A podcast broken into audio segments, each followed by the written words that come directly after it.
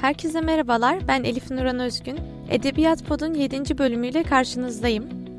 Bu bölümde edebiyatın bir alt branşına odaklanmak istedim. Göç edebiyatı yani daha doğru bir söyleyişle aslında mehcer edebiyatından bahsedeceğim sizlere. Göç edebiyatı dediğimiz zaman bunun içine dünyadaki tüm toplumların göçe dair yazdığı metinleri dahil edebiliriz. Ancak mehcer edebiyatı deyince bu yalnızca Arap toplumlarıyla ilgili olan edebiyatı ifade ediyor. 19. yüzyılın başlarında Lübnan başta olmak üzere Suriye, Filistin ve Ürdün'den göçen edebiyat insanları insanlarının, şairlerin, yazarların Amerika'da oluşturduğu edebiyata mehcer edebiyatı adını veriyoruz. Mehcer kelimesi hacera kökünden geliyor Arapça. Yani göç etmek kökünden geliyor. Hem bir zamanı hem de bir mekanı ifade ediyor Arapça dilinde. Yani mehcer göç edilen yer ve zaman manasına geliyor. Bu noktada şunu konuşmak gerekiyor. Evet bir göç oldu ve bu göçten dolayı da mehcer edebiyatı ortaya çıktı. İnşallah bu podcast içinde size mehcer edebiyatının önemli 3 kitabını anlatacağım ve önemli bazı yazarlarından bahsedeceğim. Fakat bundan da önce neden böyle bir göç yaşandı bunu konuşmak gerekiyor. 19. yüzyılda Osmanlı Devleti'nin içte ve dışta etkisinin azalması Arap ülkeleri üzerindeki ve batılı devletlerin Orta Doğu'da istedikleri gibi hareket etmeleriyle birlikte ortaya siyasi, sosyolojik ve ekonomik anlamda bir buhran çıkıyor. Diğer bir taraftan da Kavalalı Mehmet Ali Paşa e, var o zamanlar Mısır'da ve onun zamandan itibaren Mısır'da bazı ilmi enstitülerde e, Amerikan ve St. Joseph üniversiteleri kuruluyor. Bunun yanında Batı kültürle temas başlıyor ve İbrahim Paşa'nın Suriye valiliği sırasında da ortaya misyoner faaliyetleri çıkıyor ve bu faaliyetler gitgide artıyor. Tüm bu gelişmelerin sonucunda da tabii ki Orta Doğu'daki ülkelerde Amerika ve Batı artık özenilen ülkeler haline geliyor. Bunlar olayın daha çok sosyolojik ve siyasi kısmı. Fakat ekonomik olarak da değerlendirilmesi gereken noktalar var. Mesela Suriye'nin önemli bir gelir kaynağı ipek ticareti. Ancak bu 19. yüzyıla geldiğimizde Japon ipeği piyasaya giriyor. Haliyle işte artık e, ulaşım daha kolay olduğu için, taşımacılık daha kolay olduğu için ve Japon ipeğinin Orta Doğu piyasasına girmesiyle birlikte Suriye'nin ipek ticareti zayıflıyor. Ekilebilir alanlar azalıyor. Zirai afetler ortaya çıkıyor bu konularda ve enerji kaynakları bir noktada yetersiz kalıyor. Sömürgecilik faaliyetlerinin artmasıyla birlikte de var olan gelir kaynakları da onların elinden alınıyor. Bunun sonucunda büyük bir yoksulluk e, ve bağımlı olma hali ortaya çıkıyor. Haliyle Suriye, Filistin, Lübnan, Ürdün ülkelerinde yaşayan Edipler de bu durumda daha fazla geçinemedikleri ve kötü hayatlar yaşadıkları için bir göç hareketi başlatıyorlar ve yeni dünya olarak andığımız Amerika kıtasına göç ediyorlar. Şimdi Amerika deyince aklımıza hep Kuzey Amerika geliyor ama aslında bu Arap şairler ve yazarların birçoğu Brezilya gibi Güney Amerika ülkelerine de gidiyor. Bunu da göz önünde bulundurmak lazım. Orada çok güçlü bir edebiyat geleneği kuruyorlar. Bu göçleri tarihsel olarak bir yere oturtmak gerekirse şunu söyleyebiliriz. Ee, Orta Doğu'dan ilk göç büyük ihtimalle 1854 yılında Kuzey Amerika'ya yapılıyor. Güney Amerika'ya ise ancak 20 yıl sonra göçler başlıyor. 1899-1910 yılları arasında Amerika kıtasındaki Arap göçmenlerin sayısı tam 60 bine ulaşıyor. Göçmenlere baktığımızda da en kalabalık nüfusu Lübnanlıların oluşturduğunu görüyoruz. Bu göçmenler ilk dönemlerde tabii ki daha ikinci sınıf işlerde uğraşmışlar. Daha az gelir getiren böyle basit işler yapmışlar. Ancak zamanla bazıları ticarette başarı elde edip e, büyük tüccarlar haline gelmişler.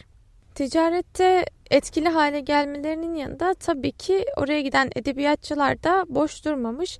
Zaman içinde birbirlerini bulup ne kadar çok sayıda olduklarını fark edince küçük küçük gruplar kurmaya başlamışlar sayıları 250'ye varan gazete ve dergiler çıkarmışlar ve bu dergilerde aslında dönemin Arap edebiyatının en ünlü isimlerine yer vermişler. Bu noktada hani şunu da gözetmek gerekiyor. Göç olgusu gerçekten insanlığın tarihinde en baştan beri var olan bir olgu ve çok büyük kültür karmaşalarını ortaya çıkarıyor.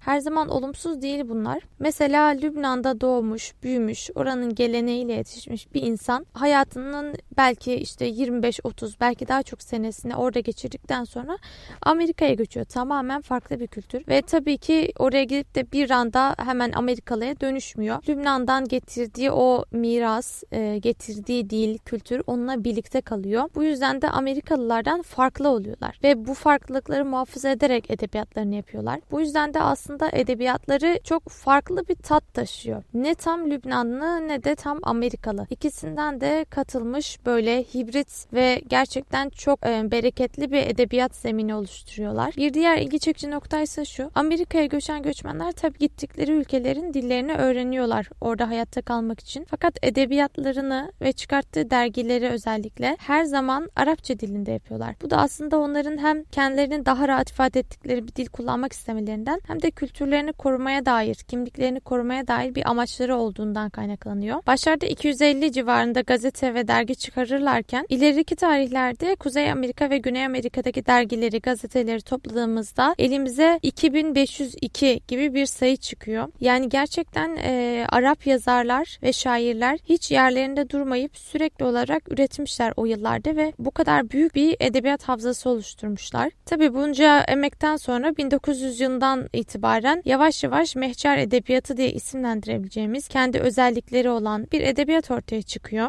Bu edebiyatın ortaya çıkışında özellikle anmamız gereken bir isim var. Zaten biraz daha ileride onu daha detaylı bir şekilde anlatacağız. Halil Cibran. Halil Cibran bu mehcer edebiyatının kurucularından birisi. 1920 senesinde arkadaşları Mihail Nuayme, Nesip Arida, Abdülmesih Haddad, Reşit Eyüp ve Nedre Haddad'la beraber Er Rabitatül Kalemiye yani Kalemler Birliği adlı edebiyat derneğini kuruyor ve derneğin başına geçiyor. Hedeflerini şöyle belirliyorlar. Arap yazarların eserlerini yayınlamak, yayınlamak, dünya edebiyatının kitaplarını Arapçaya çevirmek, şiir, nesir ve tercüme ödülleri vermek. Bu amaçlar doğrultusunda çalışmaya başlıyorlar. Halil Cibran aynı zamanda bir ressam. Bu Rabıta grubunun, Rabıtatül Kalemiye'nin e, logosunu o çiziyor, amblemini o çiziyor ve amblemin üzerine şunları yazıyor. Arşın altındaki hazineler Allah'ındır, anahtarları ise şairlerin dilleridir. Arap şairler mehcer edebiyatında ürün vermeye başladıkça tabii ki bu zamanla e, Batılıların da ilgisini çekiyor. Hatta çok ünlü kişilerin onlar hakkında söylediği bazı sözler var. Halil Cibran'ın Türkçe ermiş olarak çevrilen Prophet isimli kitabı ABD'nin en çok satanlar listesine giriyor ve ABD'de İncil'in ardından en çok satan ikinci kitap olarak uzun yıllar listelerdeki yerini koruyor. Hatta o kadar ki 20. yüzyılın dünyasında Shakespeare ve bu e, Laotize ile beraber en çok okunan üçüncü şair oluyor. Muhtemelen bunu daha önce duymamışsınızdır. Ben de araştırırken öğrendim.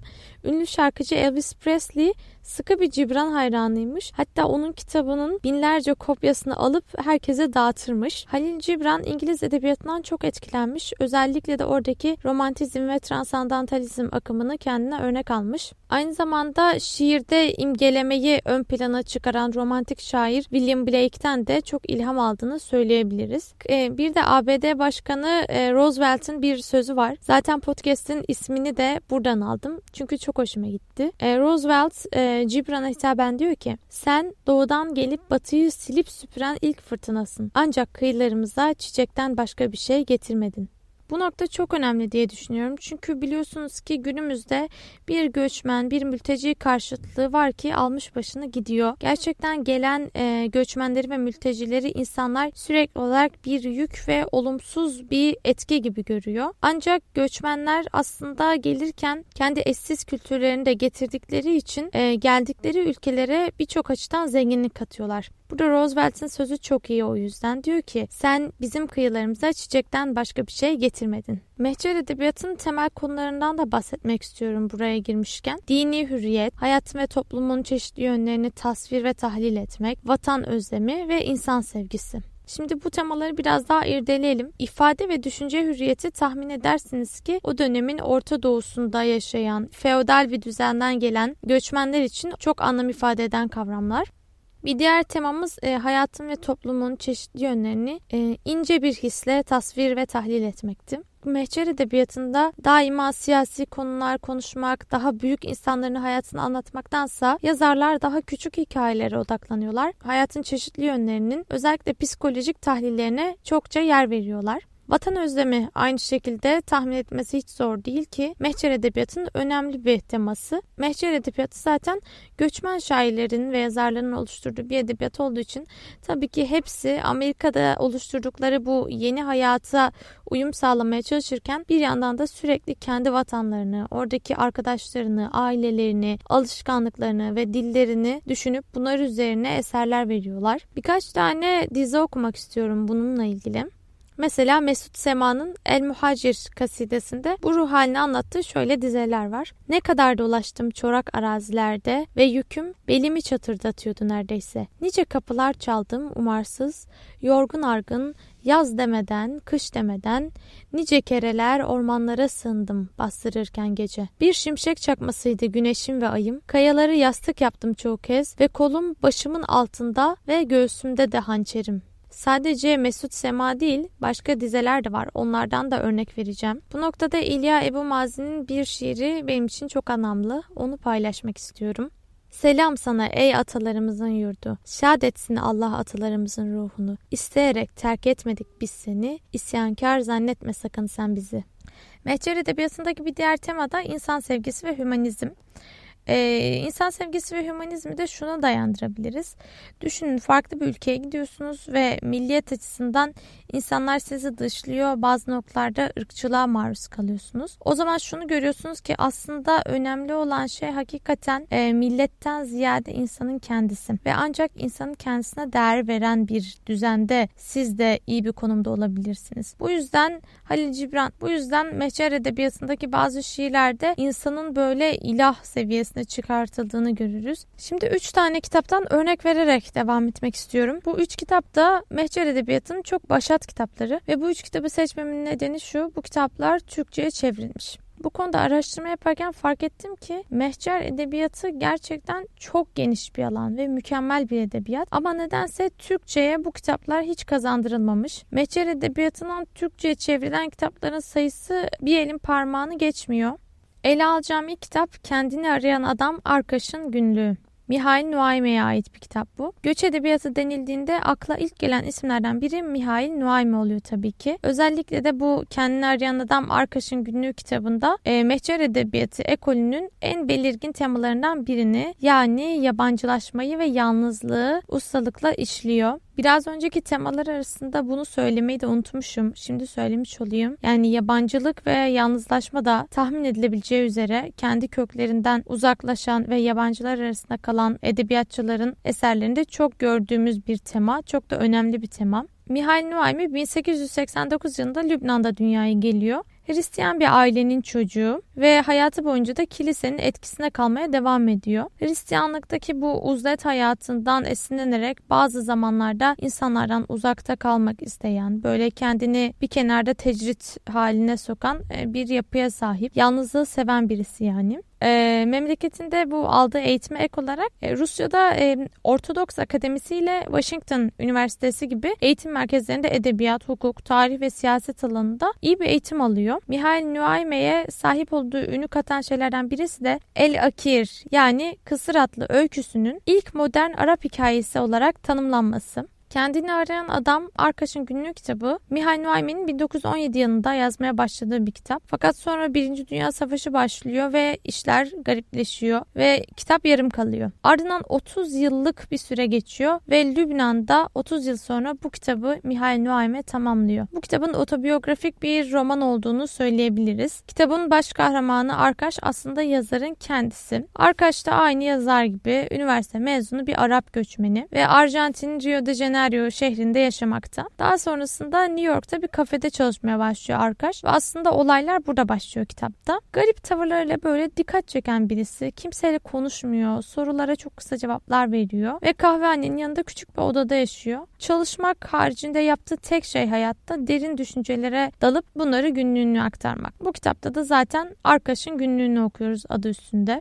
Yani öyle bir suskunluğu var ki Arkaş'ın bir insan ne kadar feryat figan etse, ağlasa, haykırsa o suskunluğun yarattığı etkiyi yaratamaz diye düşünüyorum. Tabii ki kitapta vatan kavramı ve vatan algısı da çok e, sorgulanıyor. Onunla ilgili de şöyle bir bölüm var. Orayı da hemen okuyayım.